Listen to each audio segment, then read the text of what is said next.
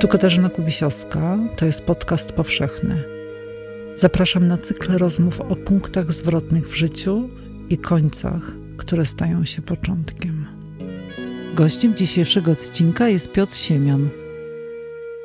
Nie zaczniesz trzeźwieć, póki nie walniesz o dno. Jak póki nie walniesz o dno, to jest samo oszukiwanie się. Jestem wziętym pisarzem, jestem wziętym prawnikiem, jestem fantastycznym facetem, wszystko przede mną. Musisz to wszystko stracić, żeby nagle znowu widzieć jasno.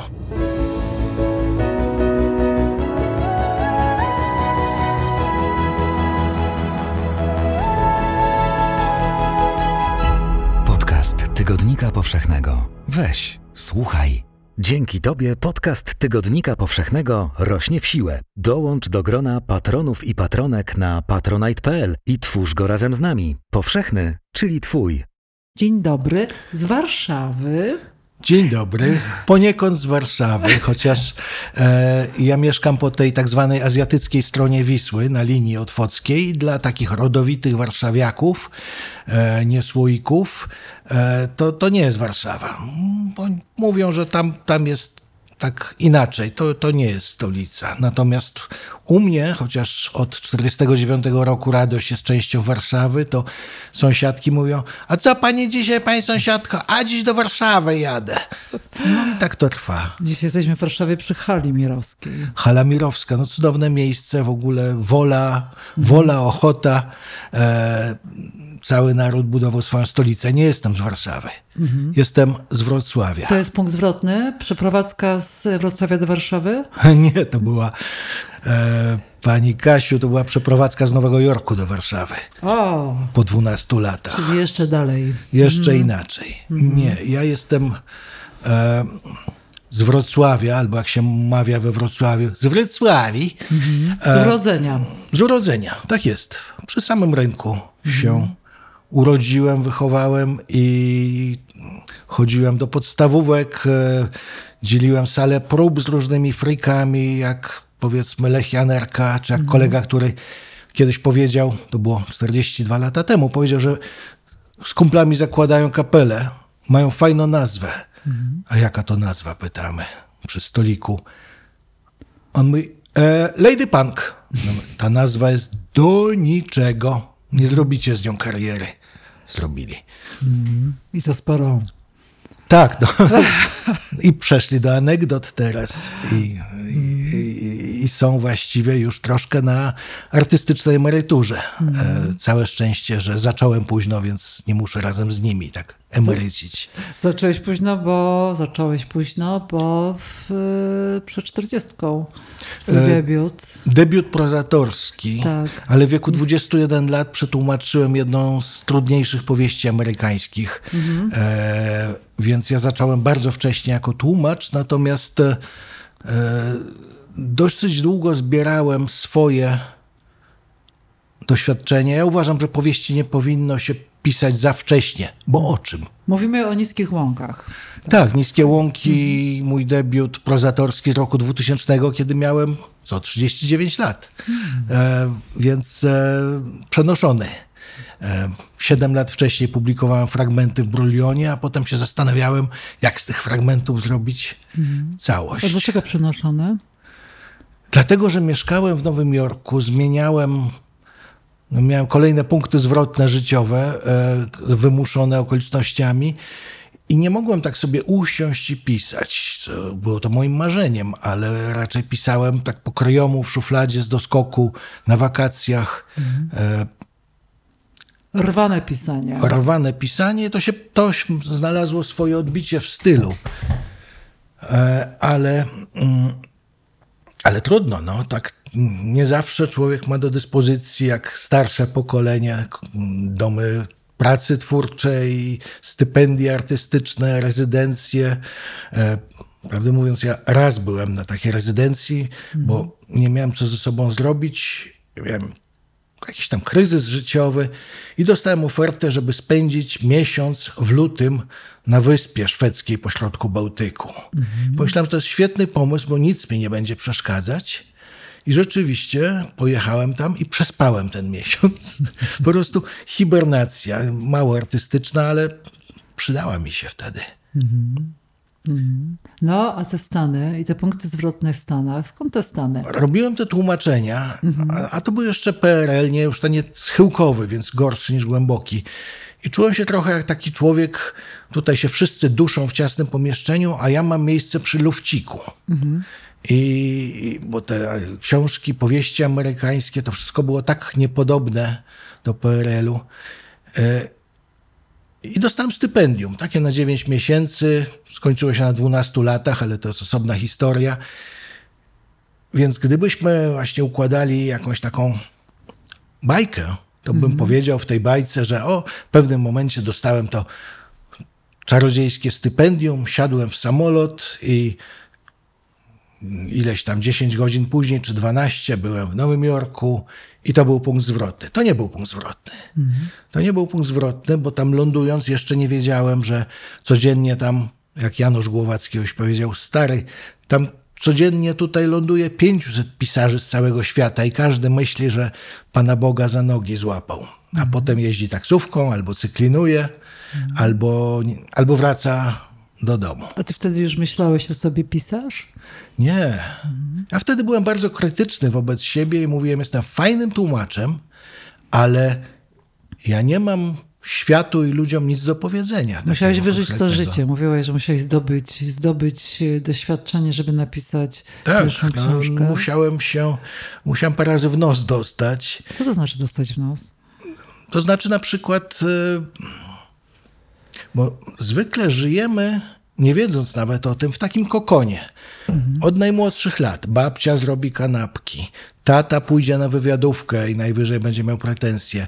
E, wujenka załatwi pierwszą pracę po studiach i tak dalej, i tak dalej. I żyjemy w tym kokonie i uważamy go za część świata.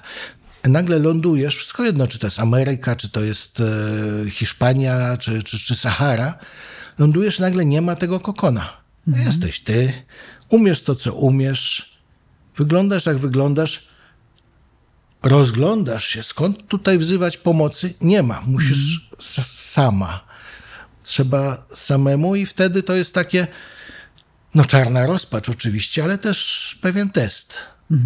Zwykle, to było ciekawe, oczywiście masę emigrantów, e, takich jak ja, spotykałem na swojej drodze. Kobiety zwykle dawały sobie radę dużo lepiej. Jak myślisz, dlaczego? E, bo kobiety mają, nie chcę tutaj jakiejś mizoginii uprawiać, ale kobiety mają odruch, żeby się dogadać, a mężczyźni mają odruch, żeby się odciąć i obrazić. E, I to bardzo często się zdarza. Mężczyźni mówią, no jestem w tej Ameryce, ale mi się tu nie podoba. E, Nikt tu nie mówi po polsku. Czy jeżeli przyjechaliśmy aż z Węgier, nikt tu nie mówi po węgiersku. A ja słabo mówię miejscowym language'u. Obraziłeś się w pewnym momencie? O, wiele razy się obraziłem. Jak to? Ja tu przyjeżdżam, mam takie pomysły. A wszyscy mówią, no niech pan nie liczy na to, że będzie pan wykonywał tutaj ten sam zawód, co tam u siebie w kraju, bo to jednak emigracja. I co robiłeś? Ja byłem niewybredny. Jak potrzebowałem pieniędzy, to, to cyklinowałem u kolegi. E, kolega już był lepiej ustawiony, bo za dnia robił e, magisterium z filozofii mm, na Podmiejskim Uniwersytecie, a, a, a, w weekendy i cyklinował, a raczej zarządzał, już był menedżerem cyklinowania. No ja u niego na przykład cyklinowałem, to tego się można nauczyć, na to się nie ma co obrażać. No, za to były pieniądze, za pieniądze była kanapka na przykład, albo obiad wieczorny w pudełku kartonowym od Chińczyka. To była zresztą, dodajmy, pełna egzotyka wtedy. 88 rok czy 9 w Polsce nie było McDonald'sa. Em, a kiedy kolegę zaprowadziłem to właśnie do tego Chińczyka, gdzie dawali za darmo do lunchu, trochę nawabia, białe wino takie z kartonika, to on pokręcił głową i powiedział, że u nas we Wrocławiu też by stała długa kolejka przed tym Chińczykiem. No, tak było, pewnie i dzisiaj by stała. Poza tym e, robiłem doktorat z literatury z biurokracji w literaturze. Taki temat trochę, jak to dla przybysza z dalekiego kraju totalitarnego, taki pasował mi. I co się stało nagle? I to nie był mój punkt zwrotny, to był punkt zwrotny dla, dla świata.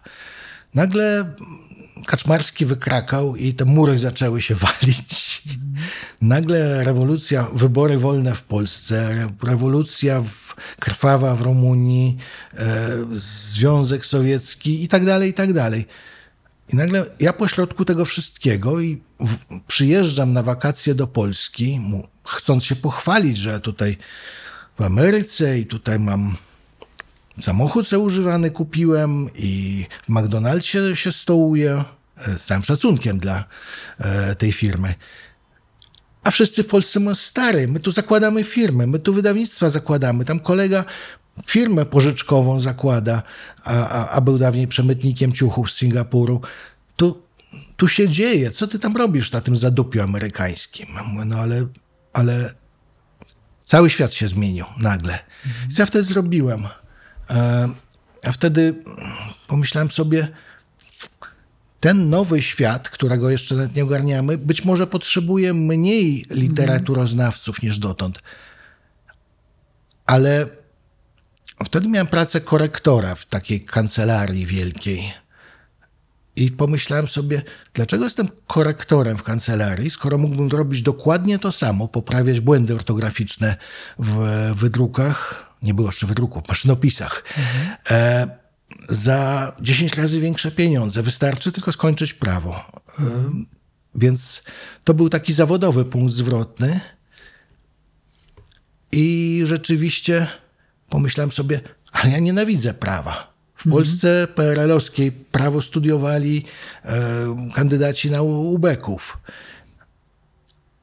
Ale zaświtało mi, ale przecież teraz wszystko będzie inaczej. A w najgorszym razie, i tu mi ktoś przytomny podpowiedział, stary, nie musisz tego kochać, w najgorszym razie przez 20 lat będziesz miał co jeść. Znowu wracamy do argumentu takiego perżołądek. E, ono się znakomicie sprawdził. Ale swoją drogą słabo to jest robić to, czego się nie kocha. Daje to pieniądze, ale im dłużej, tym bardziej, im Najpierw dłużej to trwa, to jest frustrujące. Pełna Wyjało, zgoda. Wiające, Pełna zgoda. Mhm. Pełna zgoda. Wszystko się zgadza na papierze. E, konto banku, pożyczki spłacone, długi oddane, zamiast używanego samochodu nówka sztuka, e, mówiąc slangiem z tamtej epoki. E, I dopada nagle człowieka, i to jest prawdziwy punkt zwrotny, mhm. czarna rozpacz. Jak ona wygląda? Jak ona się przejawia? Jak nie, nie wychodzisz się z domu, patrzy się w okno, czuje się bezsens wszystkiego, yy, któregoś dnia, któregoś mhm. dnia nagle dociera do ciebie. Czasem to jest tak, jak było w moim przypadku. Kolega jakiś z poprzednich studiów, tych amerykańskich, mówi: A co ty teraz robisz? A, jestem w takiej wielkiej firmie, tutaj jeżdżę windą w górę, w dół, 30 mm pięter. On mówi: A to szkoda, bo ty robiłeś takie fajne rzeczy przedtem, kiedyś. Mm. Ja myślę sobie: Idiota. A potem zjeżdżam te 30 pięter w dół, idę sobie przez ten bezlistny wtedy park centralny i sobie myślę, tu wy, wypikamy. Pip, mhm. on ma rację. Ja źle żyję. Ja nie robię tego, co kocham. To brzmi... Czyli kolega w windzie był takim e, okiem tak, zewnętrznym. Tak, on tak palnął. On tak. nie powinien tego mhm. powiedzieć. On nie uważał tego, że mi zafunduje, on nie uważał, że zafunduje mi punkt zwrotny, ale zafundował. Mhm. Stary, co ty robisz? Czy cię to bawi, czy cię to kręci, czy masz 37 lat, czy to jest to właśnie to? Ja niby przedtem stosowałem takie protezy. Pisałem do takiego pisma krakowskiego, później warszawskiego Brulion. Mhm.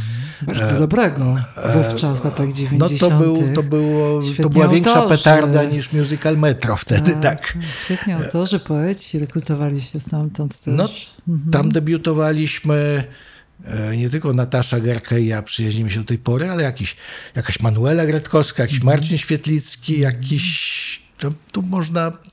Wojtek Bockenheim i tak dalej. Tak. Paweł Chojnacki. Mhm.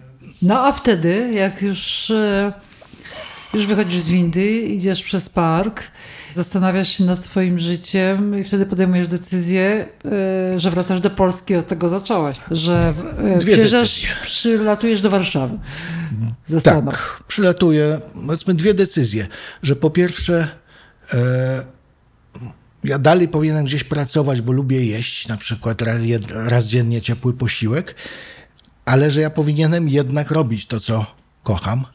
Ale nagle poczułem właśnie przez te pętelki życiowe i to, że ludzie, którzy, których znałem w jednym kontekście, powiedzmy Wrocław, studiów wrocławskich, pomarańczowej alternatywy i tak dalej. Majora, wow, krasnoludki, No etc. tak, to przecież Fajna historia. domowa historia. Tylko, że teraz ci sami ludzie wjeżdżają i przez ko- kolejny obrót sceny obrotowej oni wjeżdżają teraz jako politycy, albo jako biznesmeni, albo jako alkoholicy, no, różnie. E, Zresztą to można łączyć tamte funkcje. E, I, I teraz, a ja co? Dalej jestem uwięziony w tamtych punktach odniesienia? mam swój los i nad nim pa- panuję, ale mam jeszcze, i to jest coś, co do mnie dotarło, jestem świadkiem losu zbiorowego, właśnie tych przemian. I nikt lepiej ode mnie, to jest nieskromne, ale nikt, tak nieskromna myśl wtedy przewinęła mi się przez, e, prze, przed oczami, nikt lepiej ode mnie nie opisze tej historii.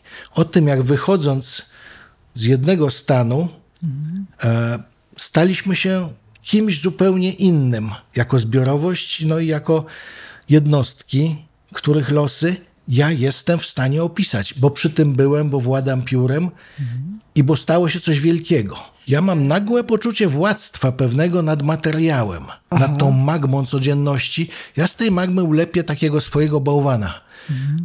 Napisz, opiszę kolegów złośliwie i siebie też. O tym, jak bo niskie łąki, tam ta pierwsza powieść, zaczynają się w 83 roku, czyli w prehistorii, ale, a kończą się w, w 91, czyli z dzisiejszej perspektywy też prehistorii, ale między tamtymi dwoma punktami zdarzyło się coś w polskiej historii, uważam, no nie tak ważkiego, jak oczywiście wojny światowe i, i masakry w Katyniu, ale coś dla e, dwóch pokoleń co najmniej no, fantastycznego z jednej strony i coś, co odmieniło nasze życie. I to, jak żyjemy dzisiaj, to jest pochodna te, tamtej wielkiej zmiany, prześnionej. Bo bardzo niewielu twórców, Prześnionej. prześnione jak u Andrzeja Ledera, nawiązuje do e, jego książki e, filozoficznej Prześniona rewolucja, że jako zbiorowość kultura polska pewne, pewne zjawiska ogromnej wagi nie tyle przespała, ile wyparła. To nie wszystko, co dla Ciebie mamy. Dużo więcej czeka na Ciebie w każdym wydaniu Tygodnika Powszechnego. Kup na stronie tygodnikpowszechny.pl lub w kiosku. To było portret, to nie była satyra. Tak. Jerzy Urban kiedyś do mnie. Różnie się ludzie plątali po tym moim debiucie wokół i pod, podszeptywali. Na przykład Urban powiedział, pan tutaj w tym biznesie się obraca, niech pan opisze o tych szwindlach wszystkich. Mówię, nie, nie, o szwindlach to o wiele lepiej pan jest wyposażony, żeby pisać. A ja nie piszę o Gdyby tylko szwindlach, nie piszę satyry. Potem z drugiej strony, od, od strony ulicy Czerskiej dobiegły mnie wtedy sygnały, to jest, książ- to jest dobra książka, tylko ona jest zła, bo ona godzi w etos. My wiemy, że tak było, jak było w tej książce opisane, ale my nie chcemy, żeby to tak było. E, znowuż, to nie był ani reportaż, ani satyra, ani hagiografia, czyli żywoty świętych Solidarności. To była po prostu wrocławska opowieść o tym, taka dosyć szczera. I nieźle zrobiona literacko, więc nie można było jej do kosza wrzucić automatycznie, że to jest jakieś, e, mówiąc po Janosi, janosikowemu, pitolenie. E, więc najpierw było, nie powiem, że zachwyt, ale jednak, jednak zaskoczenie, a potem nastąpiło takie wycofywanie się. To też mi dało do myślenia, bo fantastyczny debiut, o jakim można tylko pomarzyć. A potem takie komentarze coraz bardziej odżegnujące się. No, fajnie, że to napisałeś, ale nagrody za to nie będzie i uścisku dłoni prezesa. No i co wtedy czułeś? Co sobie myślałeś? Nie rozumiałem. Bo to znowuż do pewnych odkryć i olśnień w życiu trzeba, trzeba dojrzeć. A dojrzewa się w ten sposób, że się zbiera po prostu po tyłku. I, I nie rozumiesz dlaczego. No i trochę czas tutaj robi dystans, czas. Tak. prawda? Że patrzysz z perspektywy na coś, zaczynasz coś widzieć ostrzej. To był fajny punkt zwrotny. Oto teraz porozmawiajmy o mężczyznach i o kryzysie wieku średniego. No bardzo proszę. No więc mam 40 lat, opublikowałem bardzo głośną powieść. Pracuję w fantastycznym miejscu, gdzie e, się dzieje. I wróciłem do Polski i nagle spływa właśnie to kolejne takie odkrycie, olśnienie negatywne. Zaraz. Czy to wszystko jest prawdziwe? Książka jest prawdziwa, to zostawmy. Napisałem ją najlepiej jak potrafię po rzemieślniczemu, to jest dobrze odrobione. Natomiast druga powieść jednocześnie staje się tak kilka rzeczy naraz, wydarza się. Ukazuje się druga powieść, która miałem wielkie nadzieje, Klapa. Finimondo, zapomniana moja powieść, 2004 rok. Taka lekka, na motywach szekspirowskich, o przewałach gospodarczych biurowców w Warszawie, po prostu kompletnie odklejona od spieprzona, mówiąc językiem krytyków. E, Uwierzyłeś za bardzo w swój tak, oczywiście, geniusz? że to balonik poszybował w górę. A To jest jednocześnie ten kryzys wieku średniego. kryzys Nie, jest że- najpierw, że się uwierzy, a potem nagle dostaje się w czoło i nie rozumiesz dlaczego. Więc na pocieszenie mówisz, aha, oni się wszyscy mylą, ja mam rację, jestem jeszcze młody. E, rozwód. Nagle rozwód po tam kilkunastu latach związku, utrata pracy, tej wspaniałej. I nagle ja, tak jak wysiadając z samolotu z Nowego Jorku ileś tam lat wcześniej, ale jestem w Warszawie i znowu z dwiema walizkami, walizami właściwie, idę po ulicy i się tak zastanawiam, co teraz? E, I taki punkt zwrotny, e, ja myślałem, że to jest tragedia. E, Potem oczywiście w mechanizmie klasycznym zacząłem sobie mawiać, że nie, nic się stało, jestem silniejszy niż kiedyś, w ogóle fantastycznie. To oczywiście jest to kolejne wyparcie i samooszukiwanie się, ale to Co zostawmy. nas nie zabije, to wzmocni. Tak. Co nas nie zabije, to nas rozwali od środka, kochana pani redaktor. E, No dobrze. Ale jest punkt zwrotny. I potem mi przyjaciel, terapeuta, bardziej przyjaciel niż terapeuta, bo jest terapeutą zawodowym, a przyjacielem się, się po prostu jest. Powiedział, słuchaj, no nie byłeś alkoholikiem, ale weź od nich naukę. Nie zaczniesz trzeźwieć, póki nie walniesz o dno. Jak póki nie walniesz o dno, to jest samo oszukiwanie się. Jestem wziętym pisarzem, jestem wziętym prawnikiem, jestem fantastycznym facetem, wszystko przede mną. Musisz to wszystko stracić, żeby nagle znowu widzieć jasno. Z terapeutą zrobiliśmy dwa lata temu książkę z Magdą Rigamonti. E, byliśmy re- współredaktorami, ja i Magda, a nasz terapeuta był jeden z naszych rozmówców, ale to nie było o, to nie było o nas i to nie było o samolubnych facetach. To było o traumie dzieci, które utraciły rodziców w sposób gwałtowny, bo ich tata był policjantem albo strażakiem i nagle tego taty nie ma, bo zginął w akcji. I kto przychodzi z pomocą? Okazuje się, nikt nie przychodzi z pomocą. Zrobiliśmy z tego tom taki reportażowy, e, Śmierć warta zachodu. E, co chcę powiedzieć? Dlaczego daję ten przykład? Że o ile przy okolicach tej pierwszej książki, różnych karier życiowych i tak dalej, to myślałem głównie o sobie, tak potem po tym wszystkim, co przeżyłem, myślenie o sobie i kategoriami siebie wydało mi się tak absurdalne, bo to tak łatwo utracić i tak łatwo się okłamywać i, i w ogóle co to jest za życie sobą przez siebie dla siebie, to smutne życie. To było wielkie odkrycie i punkt zwrotny. Można tak żyć, ale tak się żyje smutno. Podoba Ci się podcast? Słuchasz go bezpłatnie dzięki patronom i patronkom podcastu Tygodnika Powszechnego. Sprawdź korzyści na patronite.pl. To nie jest tak, że rodzimy się, jesteśmy obecni. Tyle bodźców, tyle czynników, tyle tego białego szumu ogłusza nas, tyle generowanych przez nas samych kłamstw nas ogłusza, że do tej, tego bycia obecnym czy obecną bardzo się trudno dokopać. A bez takiej obecności nie ma po pierwsze dobrych związków, ale na pewno nie ma, tutaj mogę się bardziej e, autorytatywnie wypowiadać, nie ma dobrego pisania czy tworzenia. Nie ma dobrych związków z ludźmi, ze sobą, z I z tym, kobietami, z mężczyznami, z przyjaciółmi, z dziećmi. ale też z postrzeganiem świata. Bo postrzegasz świat tak, jak go chcesz postrzegać, albo stereotypami, al- nie wgłębiasz się, bo to, co jest pod, pod tym lustrem na powierzchni, co jest za lustrzaną szybą, a tam są całe wielkie światy. E, tu się trochę uczyłem od przyjaciół pisarzy. Na przykład jest taka w tej chwili niesłusznie zapomniana medytacyjna książka Andrzeja Stasiuka, e, Dukla. Wspaniała. Wspaniała. Z rysunkami Kamila Targosza, z grafikami Kamila Tak. Targosza. I, i, I Andrzej w tej książce pisze tak. Pisze o miasteczku, o Dukli, o domu PTTK. Ja go znam, ty go znasz. Andrzej też tam nad piwem przesiedział. Ale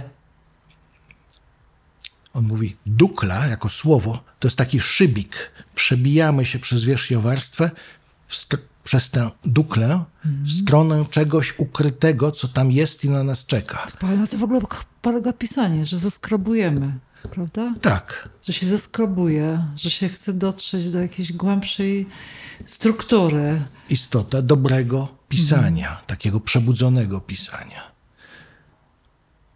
Ja bardzo się pilnuję, żeby za dużo nie używać takich określeń, bo one się stały szalenie modne i wytarte. Wręcz Jakie dobre pisanie? obecność, Okej. e, uważność, nawet i tu o, o Olgo przepraszam, ale czułość wydaje mi się zdawkową monetą w tej chwili. E, ale tak, tu się trzeba przebić przez, przez, przez wierzchnią warstwę. Niekoniecznie dlatego, że tam jakieś diamenty czekają ukryte. Czasem ukryta smutna prawda o nas, czy o rodzicach, czy o świecie. E, różne są metody kopania i różne są właśnie te złoża pod spodem, ale trzeba się przebić. A do tego no to trzeba nie zadowalać się tym, co jest na wierzchu. Tym, co jest łatwe. To jest oczywiste. Mówiliś, mówiłeś o niskich łąkach. To jest książka, która dotyczy ludzi z twojego pokolenia z lat i pewnego fragmentu ich życia lat, z lat 80. i tam początku 90., a twoja najnowsza książka, Bela Ciała. To też jest w sumie pokoleniowa opowieść. Bo ty się urodziłeś e, jakby w cieniu, w cieniu katastrofy, prawda? W cieniu klęski, w cieniu jakiejś e, apokalipsy. Znaczy, na pewno rok 61, Wrocław, jedna wielka ruina.